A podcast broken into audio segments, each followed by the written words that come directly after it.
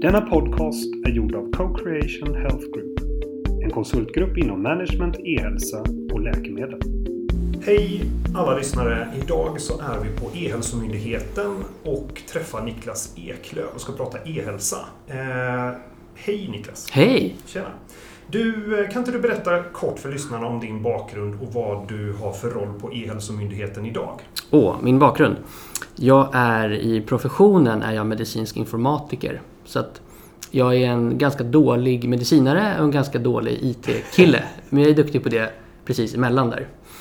Eh, jag har en ganska lång bakgrund i statlig, eller offentlig sektor. Jag har jobbat på Stockholms läns landsting och varit ansvarig för våra medicinska beslutsstöd.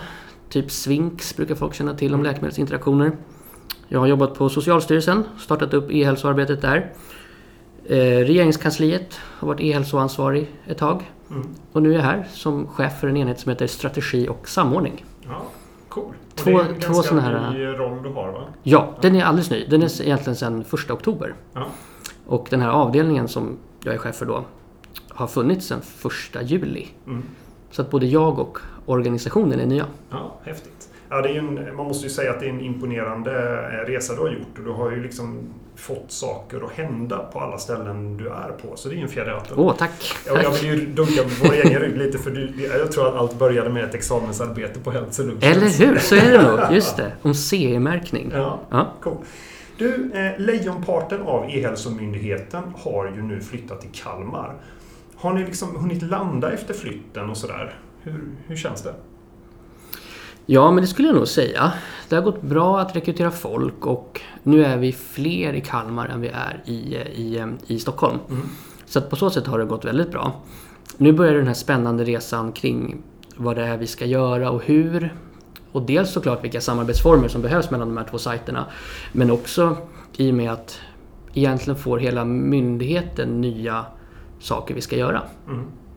Eh, hur, och, och bemanning, har ni, har ni liksom börjat tagga, tagga upp där så att ni har liksom fyllt på de här kritiska posterna? som- Ja, det skulle jag säga. Och Ja. eh, vi har också gjort så att eh, alla Kalmar-rekryteringar har en Stockholmskompis. Ah, Så att nu går man dubbelt. Ah, cool. Eh, vilket har varit väldigt bra och har gått superbra skulle jag säga. Ja, dels för att skapa trygghet då för de nya som kommer in. Men också det här väldigt värdefulla att när det kommer in nya personer så kanske man gör saker på nya sätt. Så jag tror att det har varit väldigt givande för, för alla parter. ja. Nej men det, är ju, det kan ju finnas eh, både för och nackdelar med att göra en, en reboot liksom, Mm. lite grann åt det hållet. Men sen ändå ha med några eh, viktiga bitar. Ja, vad spännande. Det är roligt. Det är ju en viktig, eh, ett viktigt uppdrag ni har på E-hälsomyndigheten. Så att vi, eh, vi ser fram emot eh, den här resan som ni har. Eh, Jag har en, en fundering här. Det här med nationell läkemedelslista. Eh, Kan inte du berätta lite grann för lyssnarna vad det är och varför det är viktigt? Och sen även fylla på lite kring det regeringsuppdrag ni fick nu precis den 20 oktober. Absolut, vårt senaste uppdrag. Ja. Eh, ja, man kan säga att nationell läkemedelslista det är egentligen två delar. Dels är det en helt ny teknisk infrastruktur för hur vi hanterar recept och läkemedelsordinationer Mm. i Sverige. Eh, och det är ett område där vi enligt Vision e-hälsa, vi, vi är redan det bästa landet som finns när det gäller hantering av utav läkemedelsrecept. Vi har en följsamhet på 99 procent. Eh, vilket är väldigt högt. Med, i, det, det spelar ingen roll vad man jämför med egentligen. Men nu ska vi bygga en helt ny infrastruktur för det här. Men den stora delen är ju egentligen ett, en helt ny verksamhetsprocess kan man säga för hur vi hanterar läkemedel. Eh, idag ser det ut som så att läkaren ordinerar i sitt journalsystem, eh, skickar ett eh, elektroniskt recept till oss och apotekarna expedierar det på apoteket. Mm. Så att egentligen har vi ju inte digitaliserat den processen. Vi har ju bara gjort den gula receptblanketten digital. Ja. Men nu ska vi för första gången digitalisera det här. Vilket i praktiken innebär att vi för första gången någonsin ska kunna dela information mellan vården, apoteken och patienten. Så att för första gången så ska vi så att säga använda, återanvända och dela samma data. Mm. Och det är ju statens största infrastruktursatsning skulle jag säga på åtminstone tio år. Aha. Och eh, fördelarna med det här då är att man, man eh, vid godkännande från eh, patienten kan se en samlad läkemedelslista där, där du har alla dina läkemedel på ett Ja, ställe. och man, ja, och, och man kan säga idag att det finns minst tre läkemedelslistor per patient. Mm. Det finns dels den läkemedelslistan som journalsystemen har. Mm. Sen finns det, som eh, i, mångt och mycket visar delar av den läkemedelsbehandling du har. Eh, men i och med att vi inte har nått målen med in- interoperabilitet och sammanhållen journalföring så är den oftast inte fullständig. Sen har vi receptdepån, den som finns här, som visar alla ordinationer som blev läkemedelsförskrivningar. Förskrivningar. Mm. Eh, och det är ju en sammanställning av en delmängd kan man säga. Och sen har vi läkemedelsförteckningen som ju visar alla uthämtade läkemedel. Men de här tre är ju inte samstämmiga. Nej. Så att idag är det ingen som har koll på vilka läkemedel du som patient äter som helhet. Det här tycker jag var väldigt pedagogiskt Ja, förklarat. vad bra. Ja. Snyggt. Jag tycker det. För det är, det är nog inte alla som liksom har grepp om hur den här strukturen ser ut. Nej. Och, och att eh, jag tror att när vi får till den här sammanhållna bilden och kan dela information med varandra så kommer vi lära oss massa nya saker som vi inte ens vet om att vi kommer lära oss Ja. nu. Ja. Eh, För det kommer öppna många dörrar. Det finns säkert väldigt många patienter idag som lider av farmakodynamiska eh, svårigheter. Mm. Eh, Och Vad de, betyder det? att man äter flera läkemedel som har samma indikation. Mm. Eh, Och det kommer vi ju helt plötsligt kunna se nu. Mm. Så det kommer, det kommer bli en stor hjälp för patientsäkerheten. Häftigt. Finns det några regelverksproblem problem som ni måste orientera er runt här som är uppenbara? Ja, eller man skulle kunna kalla det för regelverksmöjligheter kanske. är precis du som, sådana som du som behövs i offentlig Statlig tjänsteman. För. exakt. Men, men i och med att man idag inte får dela information mellan apoteken och vårdsidan så krävs det en helt ny lagstiftning. Mm. Och där har ju regeringen eh, under förra året, precis innan jul, levererat en departementsskrivelse med ett lagförslag som ska stödja den här nationella läkemedelslistan. Mm. Eh, och det är utifrån den som vi gör våra förstudier. Så att eh, man kan säga att staten tar sitt ansvar på två sätt. Dels genom att skriva lagen men sen också att vi då exemplifierar eller visar så här kan man bygga en IT-lösning som stödjer den nya lagstiftningen. Eh, och det är ganska häftigt om man tänker på Vision e-hälsa 2025 som pekar ut tre fokuspunkter kan man säga. Regelverk, enhetligare begreppsanvändning och standarder. Och här får vi möjligheten att jobba med alla tre. Mm. Ny, ny, ny lagstiftning, ny eh, semantisk infrastruktur, det vill säga hur informationen ska struktureras. Och sen bygga en helt ny teknisk standard för vår infrastruktur. Mm. Vad, vad tror du är en realistisk horisont? Alltså så här, det här tycker jag är så svårt. Ja, alltså vi har sagt att våran förhoppning eller våran uppskattning är fem år. Mm. Sen eh, kommer det också innebära, som också står tydligt i vårt förstudieuppdrag, att det kommer bygga på att vi också bygger en webbaserad lösning. För att vi ser att det finns två delar i det här. Dels så måste vi ju hinna bygga klart, såklart. Men framförallt så är den stora utmaningen att alla vårdsystem och apotekssystem måste koppla om sig mot den nya lösningen. Och där kan ju vi från statens sida stimulera på olika sätt. Men vi, det kommer vara svårt för oss att kunna lova att eh, alla ska vara uppkopplade inom de här fem åren. Så därför måste vi bygga en liten, eh, en liten eh, hjälplösning också. Just nu så har fler än hälften av landets regioner och landsting beslutat att ja, göra en rejäl investering och upphandla nya IT-system. Och alla pratar ju om liksom dynamiska öppna datalager. Eh, så med syftet att man inte ska bakbinda sig själv och låsa in, sig i, låsa in själva journalerna i någon leverantörs eh, liksom stängda format. Eh, och det fanns ju tidigare några landsting som gick ihop för att ta ett gemensamt upphandlingsgrepp. Jag tänker på 3R då. Men det, det sprack för man ansåg att behoven var så himla olika mellan landstingen. Och hur ser du att man ska liksom komma vidare och göra smarta upphandlingar här? Jag tror att det finns två stora delar i de här frågorna.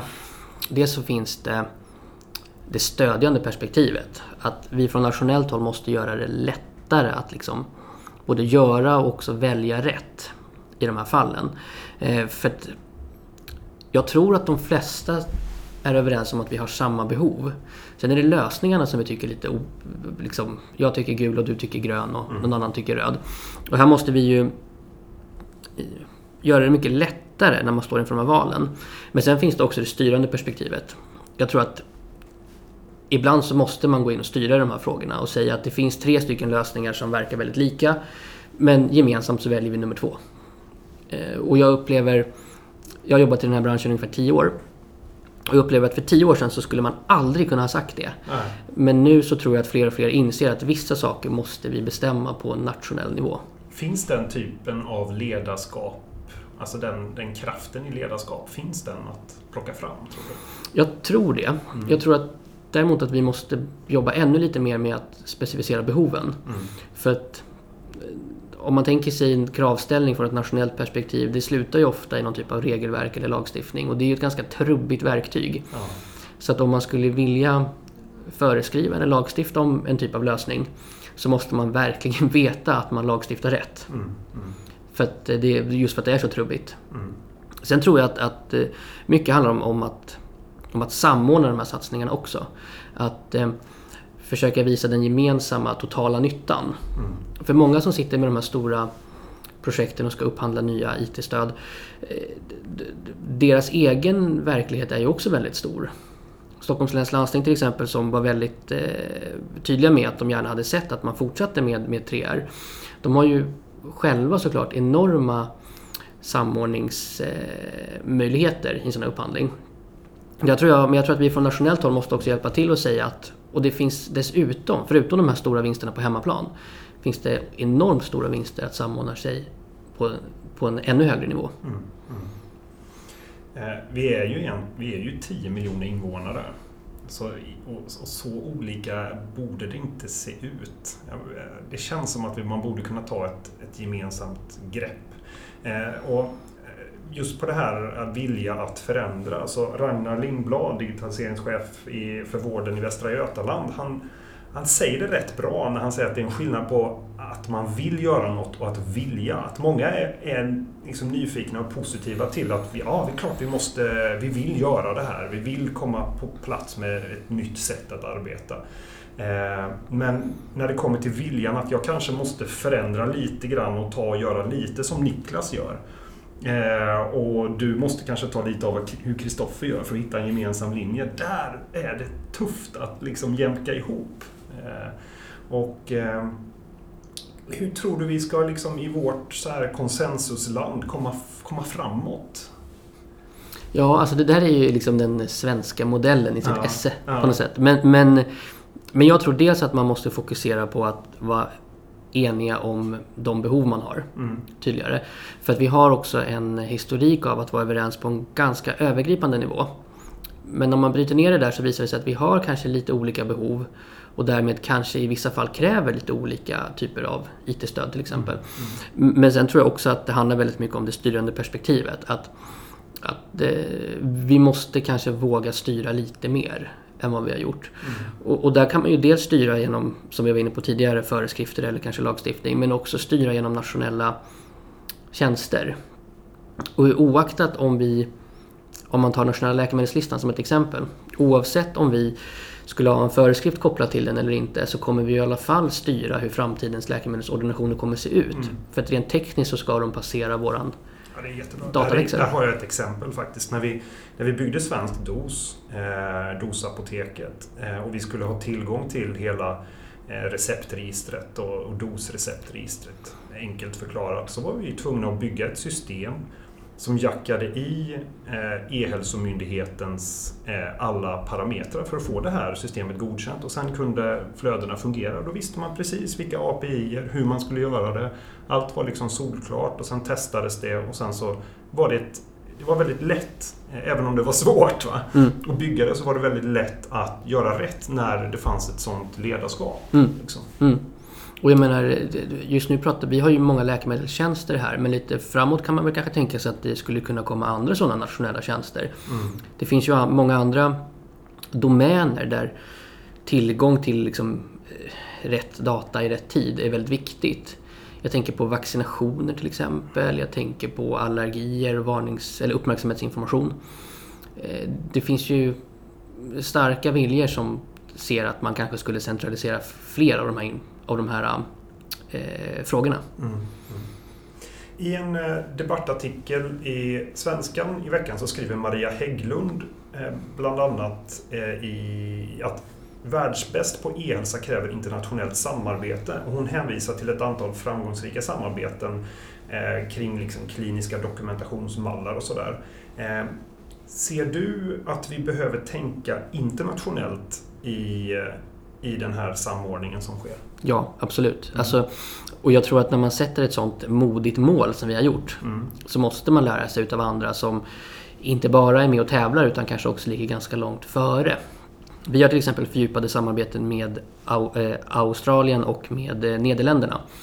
Och eh, båda de ligger ibland lite efter oss men inom andra domäner ligger långt, långt före. Mm. Så att det finns supermycket som man kan lära sig. Sen så tror jag att utmaningen är alltid att anpassa internationella lösningar eller tankesätt till ett svenskt kontext. Och vi har en ganska speciell eh, definition av hälso och sjukvård här. I och med att vi också har ett stort åtagande på socialtjänstsidan. Mm. Så att många av de lösningar som finns inom andra länder för hälso och sjukvård är nog kanske någonting som är tydligare socialtjänst för oss. Och eh, det, det finns liksom särskilda krav Mm. Men jag tror absolut att man ska våga titta utanför Sveriges gränser och lära sig av så långt man har kommit. Det vore ju häftigt om vi säger att jag åker skidor i Österrike eller någonting och skadar mig och så kan, kan de plocka in min journal där, mm. med, med, ett eller ett godkännande från mig. Så kan de bara säga ah, bra, han är medvetslös och han är allergisk mot det här eller nu har han de här tillstånden, han äter de här medicinerna. Det vore ju ganska snyggt liksom, i, en, i en framtid. Absolut, och ett av de arbeten som vi leder på en internationell nivå är som är kopplat till EU-kommissionens e-hälsoarbete är att vi leder projektet som ska bygga en teknisk lösning för att kunna dela elektroniska recept och patientöversikter inom EU. Mm. Och det är ju precis den målbilden man har. att mm. Det kanske inte är hela journalen som ska delas för alla men, men att i alla fall bygga de tekniska förutsättningarna för att man ska kunna se centrala delar utav din journal i, i våra grannländer. Mm. Eh, Ja, det, det, finns ju flera aktörer som jobbar med det här liksom digitalisering eh, och eh, just gränslandet mot hälsa. Och, eh, när jag träffar Läkemedelsverket så har de på sin agenda att jobba med e-hälsa. Socialstyrelsen har det. Eh, sjuk, sjukvårdshuvudmännen ute i landet har det. E-hälsomyndigheten och SKL. Hur, hur ser du, finns det en tydlig rollfördelning och hur ser det, hur liksom hur ser det ut? Det, känner du att det är tydligt? Eh, ja, alltså... Här, här ler Niklas lite grann. det här är ju en, en, väldigt stor fråga för oss, särskilt i och med att vi har en ny samordnings... Eh, eh, att, att vi jobbar med samordning på ett helt nytt sätt. Mm. Eh, för det är delvis den här eh, problematiken som vi försöker hjälpa till med. Men jag skulle vilja säga att på ett principiellt plan så tycker jag att rollerna är ganska tydliga. Eh, men sen i praktiken så har vi inte alltid tagit de ansvar vi har kanske. Vi har ju sedan 2014 haft ett ansvar att samordna satsningar på det här området och om man ska vara lite självkritisk så har inte vi riktigt tagit det ansvaret. Eh, och jag kan tänka mig att vi har många eh, kompisar som, som kanske inte heller fullt ut har tagit den, eh, den, eh, den eh, roll som de var tilltänkta att ha. Men jag tror att om vi tillsammans försöker göra det lite mer tydligt vem som gör vad och hur vi ska samverka så kommer det här bli mycket bättre. Mm. Och där har vi också en, en, en tydlig eh, fingervisning på det är ju den här gemensamma styr och samverkansorganisationen kring Vision e-hälsa 2025. Där ett av de uttalade målen med, med, liksom, med den organisationen är att det ska vara tydligt vem som gör vad. Mm. Så att det är många som är på, på, på samma boll. Och det är väl egentligen den problematik vi har haft i Sverige kan jag tycka under de senaste åren. Att, att vi har sett samma behov runt omkring oss från de olika organisationerna och så har vi kastat oss över de behoven. Mm. Eh, men jag tror att man ibland ska fundera och ringa sina kompisar och fråga hur man ska ta sig an frågan bäst som ett samlat team. Mm. Som du var inne på, vi är ju inte så många här i Sverige och vi har inte så stora organisationer så det är det är många personer från olika organisationer som måste samverka. Eh, och i den här eh, samverkansytan så, ja men det, alltså e-hälsa är ju och, och är ganska ny. Mm. Alltså det är ju ett ganska nytt fenomen om man ändå tittar 10-15 år tillbaka. Och det gäller ju att hitta formerna på ett konstruktivt sätt Mm. mellan de här olika eh, aktörerna. Sen är det nog viktigt också att tänka att även om e-hälsa är ett särskilt politik, eller en politisk fråga så är det bara ett medel för att uppnå andra mål. Och det måste man hela tiden tänka på att om man ska vara bäst 2025 av världens alla länder, vad betyder det egentligen? Är det att man har så mycket e-hälsa som möjligt eller är det att man har rätt e-hälsa? Så att jag tror att vägen framåt är att tydligare kroka arm med de andra initiativ som pågår inom våran sektor. Nu satsar ju både staten och Sveriges kommuner och landsting mycket på god och nära vård, alltså första linjens hälso och sjukvård. Jag tror att det finns väldigt stora vinster man kan göra om man använder digitaliseringen. Eh, Men det är så vi måste tänka. Och sen också tänka långsiktigt så att man inte bygger någonting som är omodernt om några år utan att man bygger något som kan vara dynamiskt och anpassningsbart för Absolut. framtiden. Absolut. Och, Så- och tänka att man är en, en, en stödfunktion. Det är en Ja. väldigt viktig fråga, men att man vi ska stödja någon annan. Det är någon annanstans som nyttan uppstår. Ja. Och, och att göra några saker väldigt smart är bättre än att göra tusen saker lite halvsmart. Absolut. Mm. Ja, det är en viktig poäng. Ehm, Det framkommer ju i budgetpropositionen för 2018 att regeringen vill inrätta en ny myndighet för digitaliseringsfrågor. Ehm, Enkel fråga, blir det inte rörigt då med en till myndighet som ska rodda digitalisering? Digitaliseringsmyndigheten. Ja, Mm. alltså jag hoppas på att det blir mindre rörigt, ska jag Mm, säga. mm. För jag tror att vi är ju en sektorsspecifik myndighet och vi jobbar ju med hälso och sjukvårdsfrågor och med socialtjänstfrågor. Men staten har ju ett ganska stort åtagande när det gäller digitalisering av andra sektorer. Skola och sådär. Och jag tror att det finns stora samordningsvinster med en sån här digitaliseringsmyndighet. Så vi är väldigt positiva till det här. Och jag tänker på saker som till exempel säkerhetslösningar. Det skulle ju vara superfint och bra om staten hade en och samma säkerhetslösning oavsett vilken sektor man var i. Man använde alltid mobilt bank-id eller Mm. alltid sitskort eller någonting annat. Jag tror att det finns många sådana här sektorsövergripande frågor som en sån här myndighet skulle kunna driva med stor framgång. Men- Men med komplexiteten att inom komplexa verksamhetsdomäner, typ vården, så behövs det sektorsspecifika myndigheter som kan göra det mer verksamhetsnära jobbet. Mm. För nu så finns ju, alltså SKL har ju ett digitaliseringsansvar för, för kommunerna och sen har Inera gått upp i det. Så det, det finns ju några eh, som säger, hattar som behöver bytas på då för att, Mm, mm. för att sätta en, en myndighet till. Och eh, när man tittar på eh, alla som samverkar kring eh, e-hälsa idag eh, så är ju det, det finns någon sam, samverkansorgan också som ni är med i. Eh, det är ju väldigt många aktörer. Mm, mm. Och det, det, det är också där de stora samordningsvinsterna finns, tänker jag. Sen kommer det nog i, i det första läget för en sån här digitaliseringsmyndighet till exempel vara väldigt grundläggande frågor. Mm. Det kommer handla om hur man legitimerar sig och hur vi ska utbyta personnummer i Sverige och sådär. Men allt det här är ju förutsättningar för att sen kunna bygga alla de här balla häftiga grejerna som vi sen Ja. skulle vilja bygga. Mm. Men någon, någonstans måste man börja med de väldigt grundläggande frågorna. Och här tror jag att en samlad myndighet kan hjälpa till jättemycket. Mm. Ja, men om man bara tittar på alla integrationspunkter som finns. Alltså det finns 1600 integrationspunkter för vård i bara Stockholms läns landsting. Eh, och eh, att, att bara kunna hitta standarder så att eh, det går att göra eh, saker på lik, liknande sätt. Är en myndighet till är det det vi behöver för att komma framåt så, så är jag väl fine med det. Ehm, så, men det är ju ehm, det är ju det blir ju ibland lite politiska uttryck ehm, som, som kommer fram. Sådär. Eh, Jag, jag tycker, alltså Niklas, du svarar ju så oerhört bra på alla frågor. Ehm, Du, du undviker ju hela tiden att, eh, att trampa i, i något klaver. Det är ju ja, det är bara, det är bara hatten av för det. Men hur, hur ser det ut nu? Är det, är det några tjänster ni söker eller sådär till, till E-hälsomyndigheten? Om det är någon som går där i tankarna och känner att oh, jag vill jobba med Niklas. Ja, men det kan vi säga. Vi håller ju på att bygga upp en helt ny samverkans eller samordningsorganisation här. Mm. Och kommer inom kort behöva eh, pigga tjejer och killar som vill jobba med samordningsfrågorna. Mm. Eh, och vi brukar ofta säga att samordning är ju en, en, eh, egen, eh, en egen kunskap nästan. Eh, Och vi har jätteduktiga personer här som är duktiga på IT. Vi har jätteduktiga farmaceuter till exempel. Men nu behöver vi bygga upp kompetensen att samordna de andra spelarna på den här banan. Så att eh, det, det kan jag lova att det kommer komma ut ett antal sådana tjänster. Alltså, man kan hålla utkik på er hemsida. Det får man gärna göra. Ja, cool. Du, en liten personlig fråga då. Hur ser ett samhälle ut som du vill bli gammal i?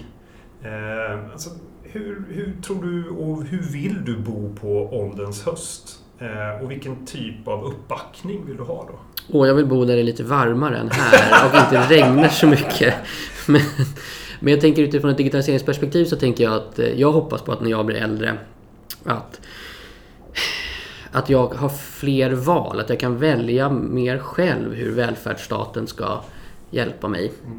Och jag tror att där har digitaliseringen stor eh, potential att faktiskt hjälpa mig med det. Jag vill kunna konsumera både vård och annan, annat stöd på det sätt som jag själv väljer. Och jag tror att eh, det är en målbild som många delar med mig.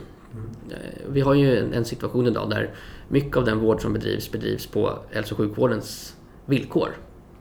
Eh, Och jag vill att den ska bedrivas utifrån mig. Ja.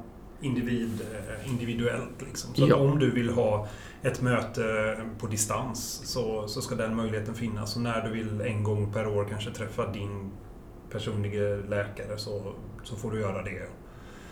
Till exempel. Och jag vill också känna mig trygg om jag reser till ett annat land. Att det finns journaluppgifter om mig. Och, Mm. jag, jag, Och kanske att du kan det. logga in och se din läkemedelslista. till exempel. Det skulle jag Så kan vilja, Varje gång du gör det så det bara, skulle jag vilja göra ganska snart This is my, this is my work. Exakt, Ja. exakt. Ja, nej, men det, det är i min, min målbild utifrån det här perspektivet. Att, Ja. att jag får vara med och bidra till en, till en framtid där vi har ett större val som, som person. I, i min, eh, i min, min drömscenario så finns det något ställe jag kan logga in på och sen kan jag röra mig till i den ytan men sömlöst till massa olika funktioner Mm. utan att jag märker det. Att jag bara hoppas, jag skickas runt genom eh, smarta API-er. Mm. Det skulle vara himla skönt. Så Mm. jag inte behöver logga in på massa ställen och hålla ihop utan att man liksom får en, en bra överblick. Just det, du har en mer teknisk dröm än vad jag Ja, har. ja, ja. jag, gillar, jag är lite nörd på det. Du, eh, slutligen här då. Alltså det är ju så här. Eh, vi delar ju tydligen en passion för sång och dans och musikaler. Ja, Det här är så roligt att du vet om. Men, Ja, ja nej men alltså det... Eller hur? Visst Ja, är det så? absolut, absolut. Ja, Mm. verkligen. Och då måste jag ju fråga dig eh, vilken din favoritmusikal är och varför. Åh, min favoritmusikal är nog eh, Rocky Horror Show. Eh, och det beror dels på att jag tycker att musiken är bra, men också för att den är, eh, att det verkligen är all in. Mm. Och jag är mycket för det där. Att det ska vara antingen på eller av. Ja, det är fart Ja, liksom. och det är verkligen en sån som är all in. Mm. Du då? Vilken är din favorit? Alltså just nu är jag ju inne på Rent. Rent, ja den är bra. Ja. Ja, Men den, den har ju liksom lite... Den, ja, men den har ett häftigt budskap också. just det. Eh, hinner du musicera och sjunga och dansa nu? Ja, lite. I alla fall hemma. Mm. Jag har piano hemma och elbas och gitarr och sådär. Men jag spelar mest för mig själv Ja. och för kompisar. Ja. Ja, För det är viktigt att hålla igång det där. Det får Absolut. du aldrig sluta med. Eh, Det finns ju väldigt många eh, studier som kommer nu kring att, eh, att hålla på med någonting som är för andra hjärnhalvan så att säga. Kreativt, konstnärligt, musik, sång. Det är riktigt hälsosamt. När jag jobbade på, på Socialstyrelsen när det var som eh, mest jobb där kan man säga. Då startade jag eh, ett litet band för min enhet. Så vi åkte till Kulturama två timmar varje vecka och spelade musik. Eh, och det var faktiskt väldigt givande utifrån det perspektivet. Ja. Att vi fick träffas som grupp, göra någonting helt annat. Och vi var ganska bra. Ja, Faktiskt. Bästa teambuildingen. Verkligen liksom. så. Ja. Men det går ju också det går ju också att få sådana där typer av band ganska bra om man vet var man ska skruva någonstans. Mm, Liksom. mm. Ja, kära lyssnare. Nu har vi eh, den här podcasten har då spänt ifrån allt ifrån e-hälsa, framtid, eh, vår ålders höst till musikaler. Eh, vill ni eh, att vi ska träffa någon specifik person eller utforska något ämne vidare så är det bara att ni hör av er som ni brukar och pingar oss på något sätt i alla informationskanaler som finns till oss.